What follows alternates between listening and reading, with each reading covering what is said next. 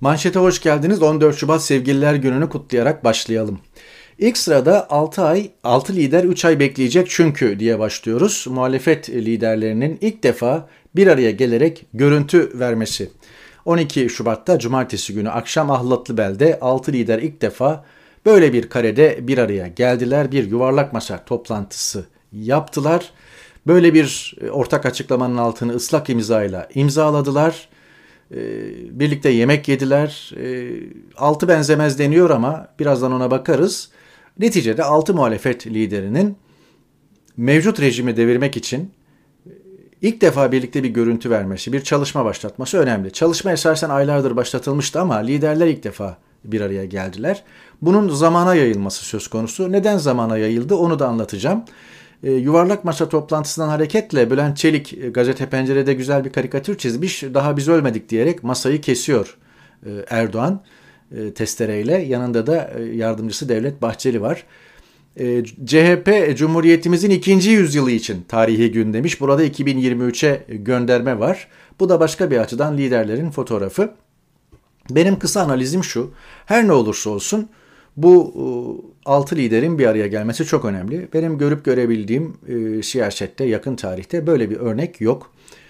İkincisi bu e, liderlerin her şeyi bir kenara bırakarak mevcut yönetimi, AKP iktidarını, Erdoğan rejimini devirmek, mevcut yönetimi değiştirmek ve mevcut artık başkanlık mı dersiniz adına tiranlık mı dersiniz, cumhurbaşkanlığı hükümet sistemi mi dersiniz, mevcut sistemi değiştirmek için bir irade beyanı vesaire ortaya koyması önemli. Neden adaylarını açıklamadılar veya neden ortak bir aday etrafında bir araya gelmediler falan gibi yorumlar var. O konunun daha erken olduğunu düşünüyorlar. Bir de taktiksel bir nedeni var. O da şu, e, AKP ve MHP sürekli e, bir seçim yasası üzerinde revizyon yapıyorlar ve henüz daha nihai halini Türkiye Büyük Millet Meclisi'ne getirmiş değiller. Seçim normal zamanında olursa 18 Haziran 2023'te olacak. İşte muhalefet liderleri de Mayıs ayına kadar, Haziran ayına kadar bu işi oyalayıp ondan sonra harekete geçmeyi, adaylı vesaire artık neyse mutabakat metninde ne varsa planlıyorlar. Sebebi şu, biz ne yaparsak e, AKP ve MHP bir seçim yasasıyla bizim oyunumuzu bozmaya çalışacaktır. Çünkü seçim yasası çıkarsa örneğin Nisan veya Mayıs'ta bir sonraki seçimde veya 18 Haziran 2023'te yapılacak vaktinde yapılırsa seçimde geçerli oluyor. Ondan dolayı 2-3 ay bekleyecek ve ondan sonra belki de yol haritalarını açıklayacaklar. E, AKP ve MHP o kadar çok e, seçim yasasında oynamalar veya düzeltmeler, revizyon yapıyor ki mesela bir tanesi de şu. İşte seçim ittifakını iki parti veya üç parti kurabilsin, dört parti, beş parti seçim ittifakı kuramasın diye bir madde koyacaklar mesela. Öyle olunca 6 parti seçim ittifakı yapamayacak. Sadece 3 parti seçim ittifakı yapabilecek veya 2 parti seçim ittifakı yapabilecek. Anlatabiliyor muyum? Ondan dolayı Erdoğan böyle bir hamle yapabilir. Böyle bir hamle yaparsa e, bu bizim oyun planımızı etkiler falan diyerek liderler açıklayacakları e, bir takım başlıkları veya mutabakat metnindeki detayları Nisan-Mayıs ayına ertelemiş görünüyorlar. O arada Latif Demirci ne zamandır suya sabuna dokunmuyordu. Nihayet dokunmuş hürriyette. Babası gel konuştu diyor. Konuşmaya başlayan bebeği için kadın Bay Kemal diyor çocuk. 6 yıl önce e, İngiltere'ye yerleştim çocuklarımla beraber. E, en önemli avantajlardan biri çocuklar Erdoğan'a maruz kalarak e, büyümediler e, veya büyümüyorlar. İşte Erdoğan'a maruz kalarak büyüyünce de böyle oluyor. E, Türkiye'de yaşayanlar için bunu yap bunu bu konuda önlem almak çok kolay. Televizyonu kapatacaksınız, hiç açmayacaksınız. Çocuklar en azından biraz daha steril bir ortamda büyüyebilirler. Sabah gazetesi Erdoğan ailesinin gazetesi malum. Hafta sonu manşetinde raflardaki yangını söndürmek için e, Erdoğan'ın KDV indirimine gittiğini filan verdi ama esasen manşetten raflarda yangın olduğunu kabul etti. Sabahı okuyanlar raflarda yangın olduğunu bilmiyordu ne zamandır ve nihayet işte böyle kabul edildi. Esasen her şeyin farkındalar da. Yani sözüm ona gazetecilik yapıyorlar. İçi boş baklavadan sonra içi boş gözleme de çıkmış efendim. Sade içi boş gözleme 10 TL'ymiş. Beyaz peynirlisi 17 TL düşünün. O arada e, dükkanlar elektrik faturalarını camlarına asıyorlardı. Artık elektrik faturasını ödeyemediğimiz için ya da ciromuzun üstünde elektrik faturası geldiği için kapatıyoruz. ilanları başladı. Evet Türkiye'de işler yolunda gitmiyor. Türkiye'de işler yolunda gitmiyor. Sedef Kabaş paylaşmış iki gün önce. 20 gündür hapisteyim, hapiste tutukluluk halim devam ediyor diyor. Mesele bir atasözü ya da iddia edildiği gibi bir hakaret olduğunu sanan var mı? 12 yıl hapis sistemi 250 bin TL manevi tazminat. Yani bir hakaretten bir atasözü paylaşmaktan 12 yıl hapis istenmez kimse hakkında. 250 bin TL manevi tazminat istenmez diyor Sedef Kabaş. 20 gün demiş 2 gün önce şu anda 22 gündür içeride. Bir tahliye başvurusu daha yapılmış. Şu günlerde tahliye başvuruları e, sonuçlanmazsa e, belli ki Sedef Kabaş bir süre daha içeride tutulacak demektir tez zamanda tahliye olmasını temenni ediyor. Ukrayna krizine geçiyoruz. Bu grafiği Hürriyet gazetesinden kestim getirdim. Görüldüğü gibi e, Ukrayna, kuzeyde Belarus, e, zaten doğusunda Rusya var e, ve Karadeniz'de de tam anlamıyla bir Rus hakimiyeti var. Rus gemileri tatbikat adı altında Karadeniz'de üç tarafından çepeçevre sarılmış durumda.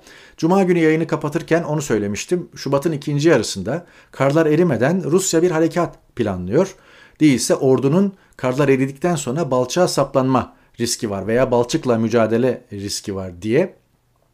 Ancak bir de şöyle bir durum ortaya çıktı. Özellikle batı tarafı yani Amerika, İngiltere adeta e, Rusya'yı e, tahrik eder, kışkırtır pozisyondalar. Rusya biraz daha soğukkanlı yaklaşıyor gibi e, konulara. Bir, diğer tarafıyla da Amerika ve İngiltere'nin Avrupa'da kartlar yeniden dağıtılırken değişen dengeler içerisinde bir bölge hakimiyeti kurmayı amaçladığı gibi bir hedef de var.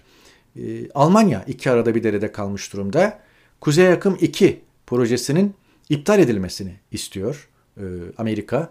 Esasen e, Rusya'nın Ukrayna'yı hedeflemesi veya Ukrayna'ya girmeyi planlaması e, NATO'nun Ukrayna'yı alması veya Ukrayna'nın NATO üyesi olmasından ziyade Kuzey Akım'la ilişkili gibi görünüyor. Kuzey akım şu, Baltık Denizi'nde Rus gazını Almanya'ya bağlayan doğal gaz boru hattı. Dolayısıyla Almanya'da gerçekten iki arada bir derede kalmış durumda. Almanya'nın yeni başkanı, Scholz, başbakanı daha doğrusu, şansölye, Merkel'den sonra son derece etkisiz kalmakla, krizi yönetememekle ve e, bir politik söylem ortaya koyam, koymamakla, koyamamakla suçlanıyor. Bunda da haksız değil uluslararası kamuoyu. O başbakan da ee, daha ilk aylarında böyle bir krizi kucağında buldu. Bakalım iş nereye gidecek? Bana göre %51. Çok fazla detay vermek istemiyorum. İşte ne kadar ordu oraya yığılmış da e, Kiev olaya nasıl bakıyor? İşte Türkiye'yi bu konu nasıl ilgilendirir? İHA'lar, SİHA'lar, Ukrayna ile ortak üretim. Fransa Macron'un e, çabaları sonuç verdi mi vermedi mi? Putin'in stratejisi, Rus uzmanların görüşleri hepsine bakarak şunu söyleyeyim. Hiç detaya boğmayacağım sizi. %51-49 Rusya Ukrayna'ya girer silahlar patlar diye düşünüyorum. Olursa da Şubat'ın ikinci yarısı olur. Mart ayına kalırsa bu iş biraz tavsar gibime geliyor. Şimdi geçelim Falyalı meselesine. Falyalı meselesinde KC'mizi de değiştirelim. Siyaseti duman edecek kasetler. Ama önce Falyalı cinayetinden bazı enteresan detayları paylaşalım. Yeni çıkan bilgiler. Kıbrıs polisi Cinayetin olduğu bölgeye yakın bir mahalle adeta bir mühimmat e, bırakıldığı ve o bu mühimmatın e, Falyalı cinayetinde kullanılan silahlar olduğunu veya işte e, Kalaşnikov, otomatik silah, e, şarjör mermi vesaire bunlar olduğunu tespit etti. Bu önemli bir detay. Yani saldırganlar Falyalı'yı taradıktan, onun öldüğünden emin olduktan sonra e, silahlarını, şarjörlerini, mermilerini neyse olay yerine bir kilometre ötedeki bir dere yatağına bırakıp kaçmışlar. Bir diğer konu Kıbrıs Başbakanı, Kuzey Kıbrıs Başbakanı Faiz Sucuoğlu paylaşıyor. Anlatı, ilk anlatı Falyalı eşi ve çocuklarıyla beraber iki araçla çıktı. Arkadaki zırhlı araçta eşi ve çocukları vardı. Kendi öndeki zırhlı araçta idi.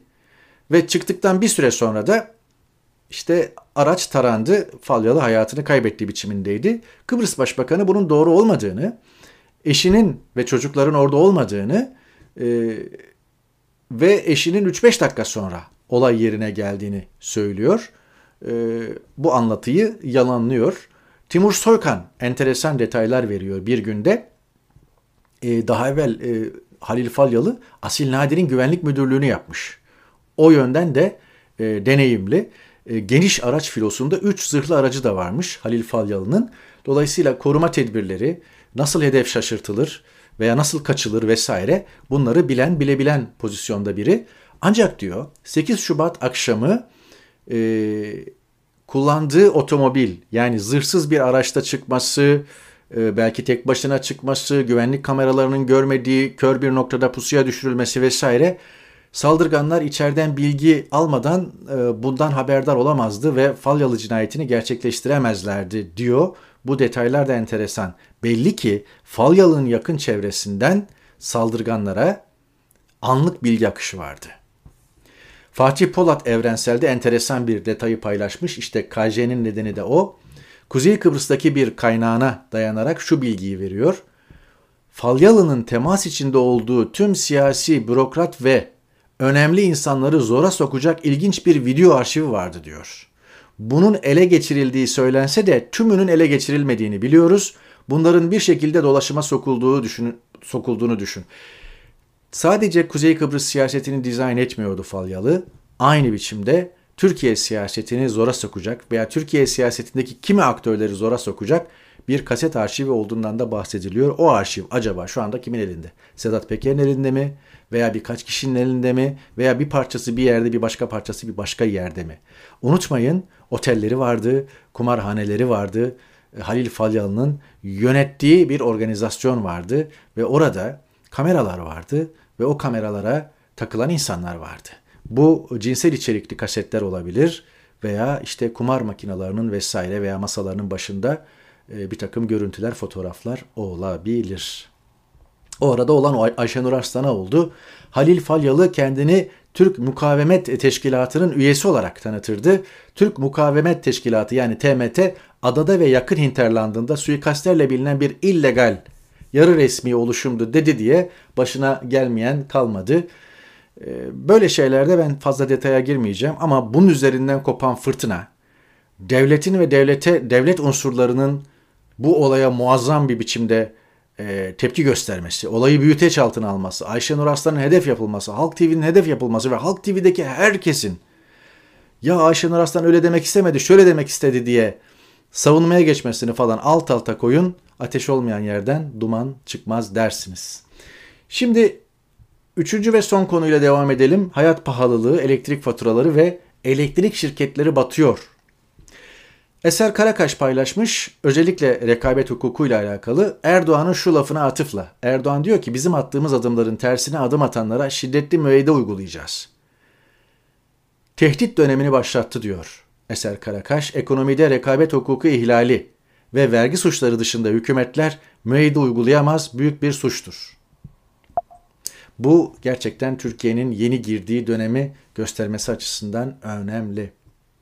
İstanbul Maltepe'de yüksek fatura bedellerini gösteren afişlerin dükkan kapılarına asılmasına polis engel oluyor. Yani yani ülkeden haber ver derseniz bunu bunu örnek gösterebilirsiniz. Bana bugün yani bana bu ay şu kadar elektrik faturası geldi demek suç. Polis indir o levhayı diyor. Vergi levhası falan asılırdı hatırlar mısın? Hala asıyorlar mı bilmiyorum duvarlara falan.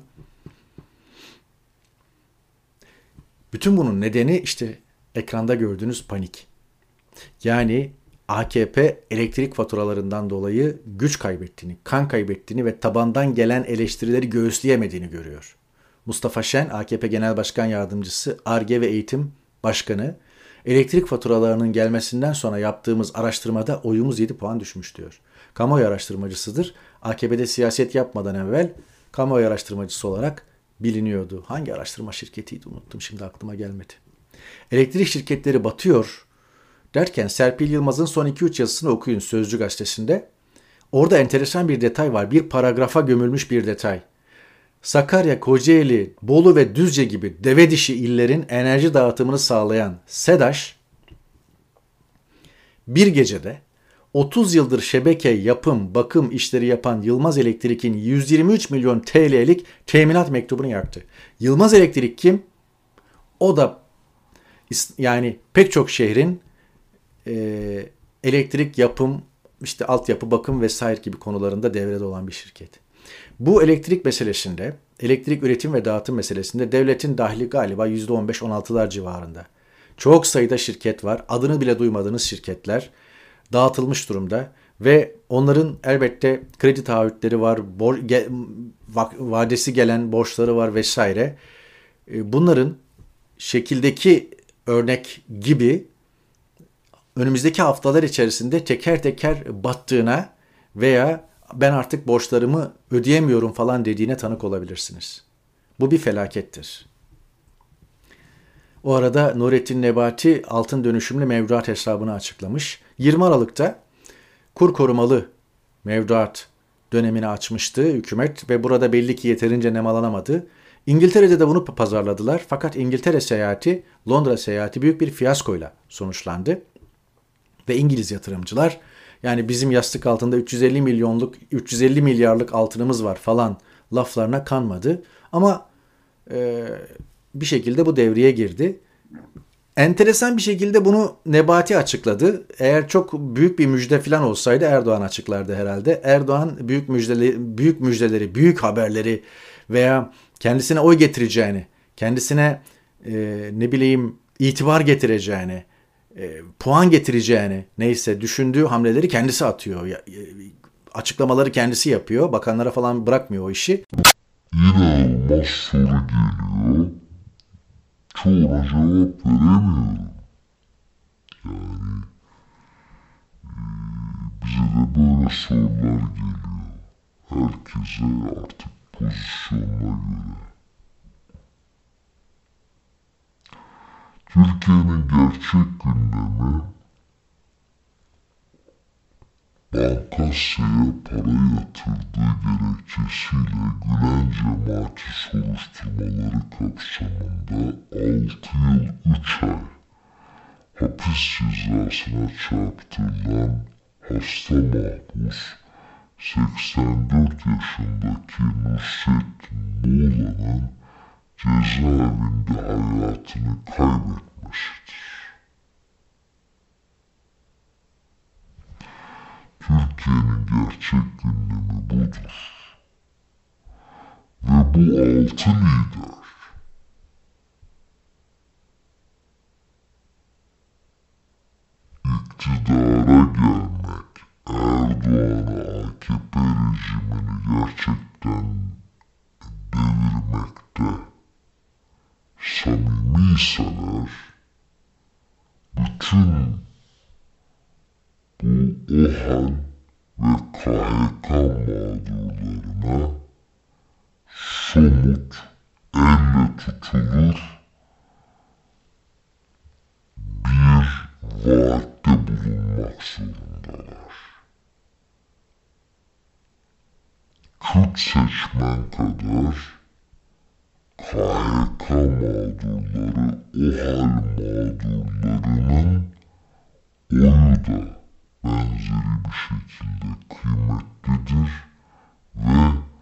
onlar belirleyecektir önümüzdeki seçimin kaderini.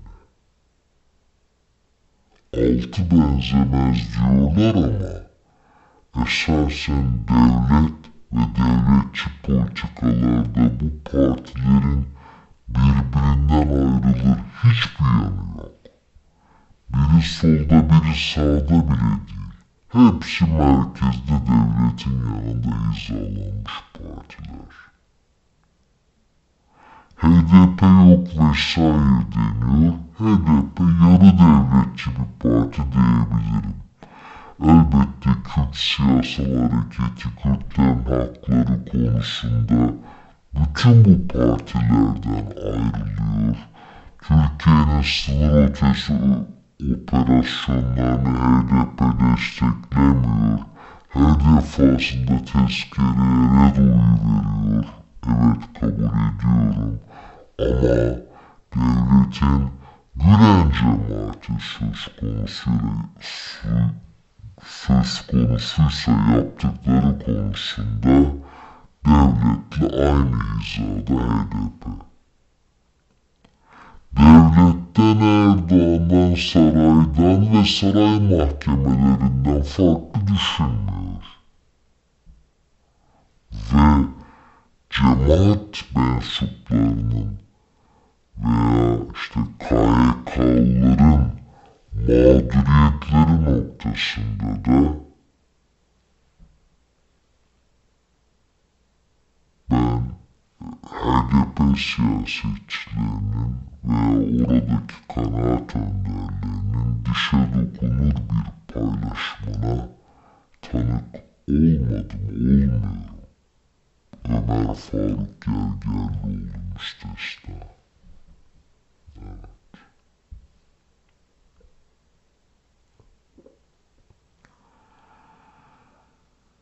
Bu da böyle.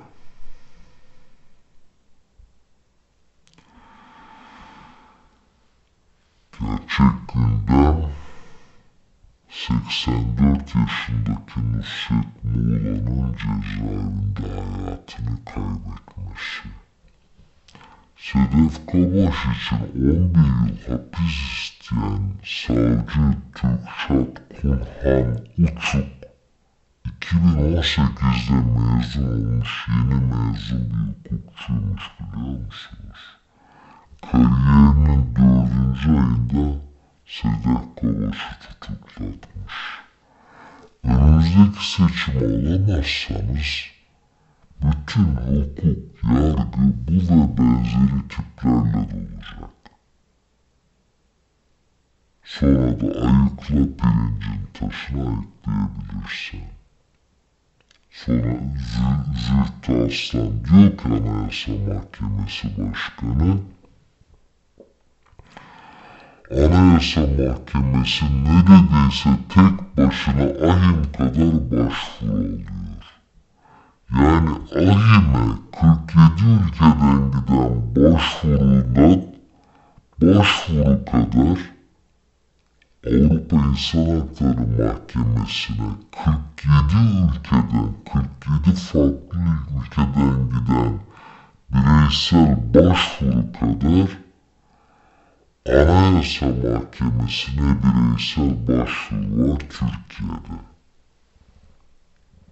Niye? Ülkende hukuk yok da ondan.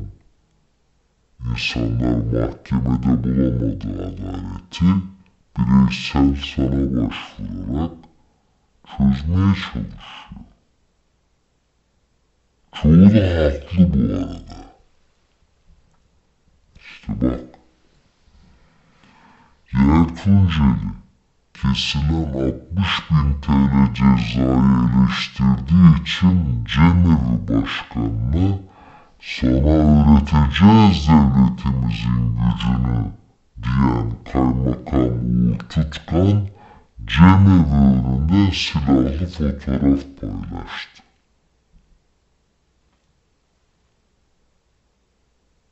Türkiye sana öğreteceğiz devletimizin gücünü diyor. Devletin kaymakamı. Kamber Ateş nasılsın?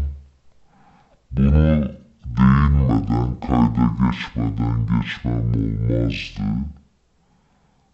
12 Eylül sonrası cezaevi görüşünde Türkçe bilmeyen annesiyle görüşüyor. Kürtçe konuşmak yasak. Annesine bir kelime öğretiyorlar sadece. Nasılsın? Kamber ateşi biliyor adı soyadı oğlunun. Kamber ateş nasılsın? Oğlu ona ne derse kamber ateş nasılsın diyor. Bir, iki, üç artık oğlu da anlıyor durumu. Ve bu kadın öldü. İpek Ateş hayatını kaybetti. Ve Kamber Ateş nasılsın? Bununla tarihe geçti ve bu fotoğrafla tarihe geçti.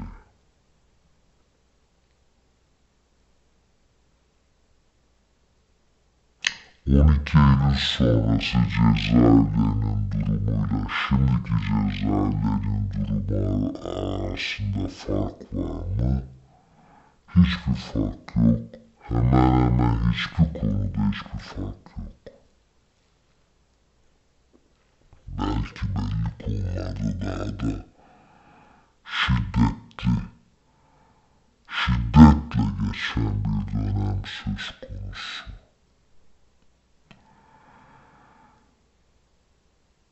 Türkiye medyasının hali pürmelali nedir derseniz efendim, gazeteci döven Muharrem Sarıkaya Habertürk'e geri dönmüş. Gazeteci Sedat Bozkurt şunu demiş. Ülke medyasının hazmetme kapasitesi çok yüksektir ihtiyaç halinde iktidar tarafından kullanılan yerlere de habercilik yapılan kurumlar dememek lazım. Bakın son dönem bakanlar hangi ekranda konferans veriyorlar. Evet. Bunlara habercilik yapılan kurumlar dememek lazım. Bir geçen haftaki ve önceki haftaki manşet yayınlarından birinde işte bakanıma söyledim çık yarın ekranda buna cevap ver dedim diye Kemal Kılıçdaroğlu'na cevap vermesi için bakan da hemen ertesi gün çıkıyor Habertürk'te cevap veriyor. Yani Habertürk böyle bir kanal. Erdoğan talimat veriyor bakanına. Çık bu Kemal'e Cemal cevap ver diyor. Bakan da Habertürk'e telefon ediyor. Beni derhal çıkarın diyor. İşler böyle dönüyor. Evet.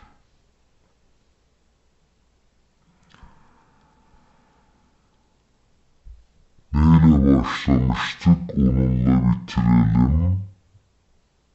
Evet, altı siyasi partinin bir araya gelmesi, birlikte bir fotoğraf vermesinden dolayı e, ben de umutluyum.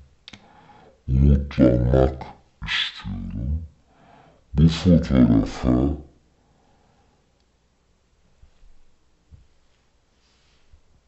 ne bileyim Muharrem İnce, İnce'den e,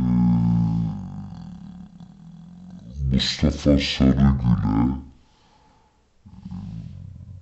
ne bileyim irili ufaklı sağdaki soldaki partilere kadar bütün partiler davet edilmeli ve mesele mevcut oyunu bozmak sonra yeni oyunu kurmak olmalı. Öncelikle mevcut oyunu hep beraber bozmamız lazım. Sonra yeni oyun kurduğumuzda güçlü parlamenter sistemi getirirsiniz. Ne getirirseniz getirin. O oyunda biz artık e, ilkelerimiz çerçevesinde mücadele edebiliriz. İttifaka gerek kalmaz ve işte serbestçe kurduğumuz düzende e, adil bir düzende demokratik bir düzende e, ne bileyim siyasi partiler yasası, seçim yasası, anayasası vesaire hepsi rehabilite edilmiş bir düzende biz serbestçe yarışırız, mücadelemizi yaparız, birbirimize demediğimizi bırakmayız ama önce bu düzeni bir değiştirelim. Onun için bir araya gelmiş bir ittifak görüntüsü var. Buna inanmak istiyoruz. Ee, önümüzdeki aylarda da belli ki iyice netleşecek. Yani Şubat'ta Mart'ta çok bir şey beklememek lazım ama galiba Nisan'da Mayıs'ta işin adını koyacaklar. Öyle görünüyor. Evet, böylelikle bir manşeti daha e, kapatıyoruz. Bir sonraki yayında buluşmak umuduyla efendim. Hoşçakalın.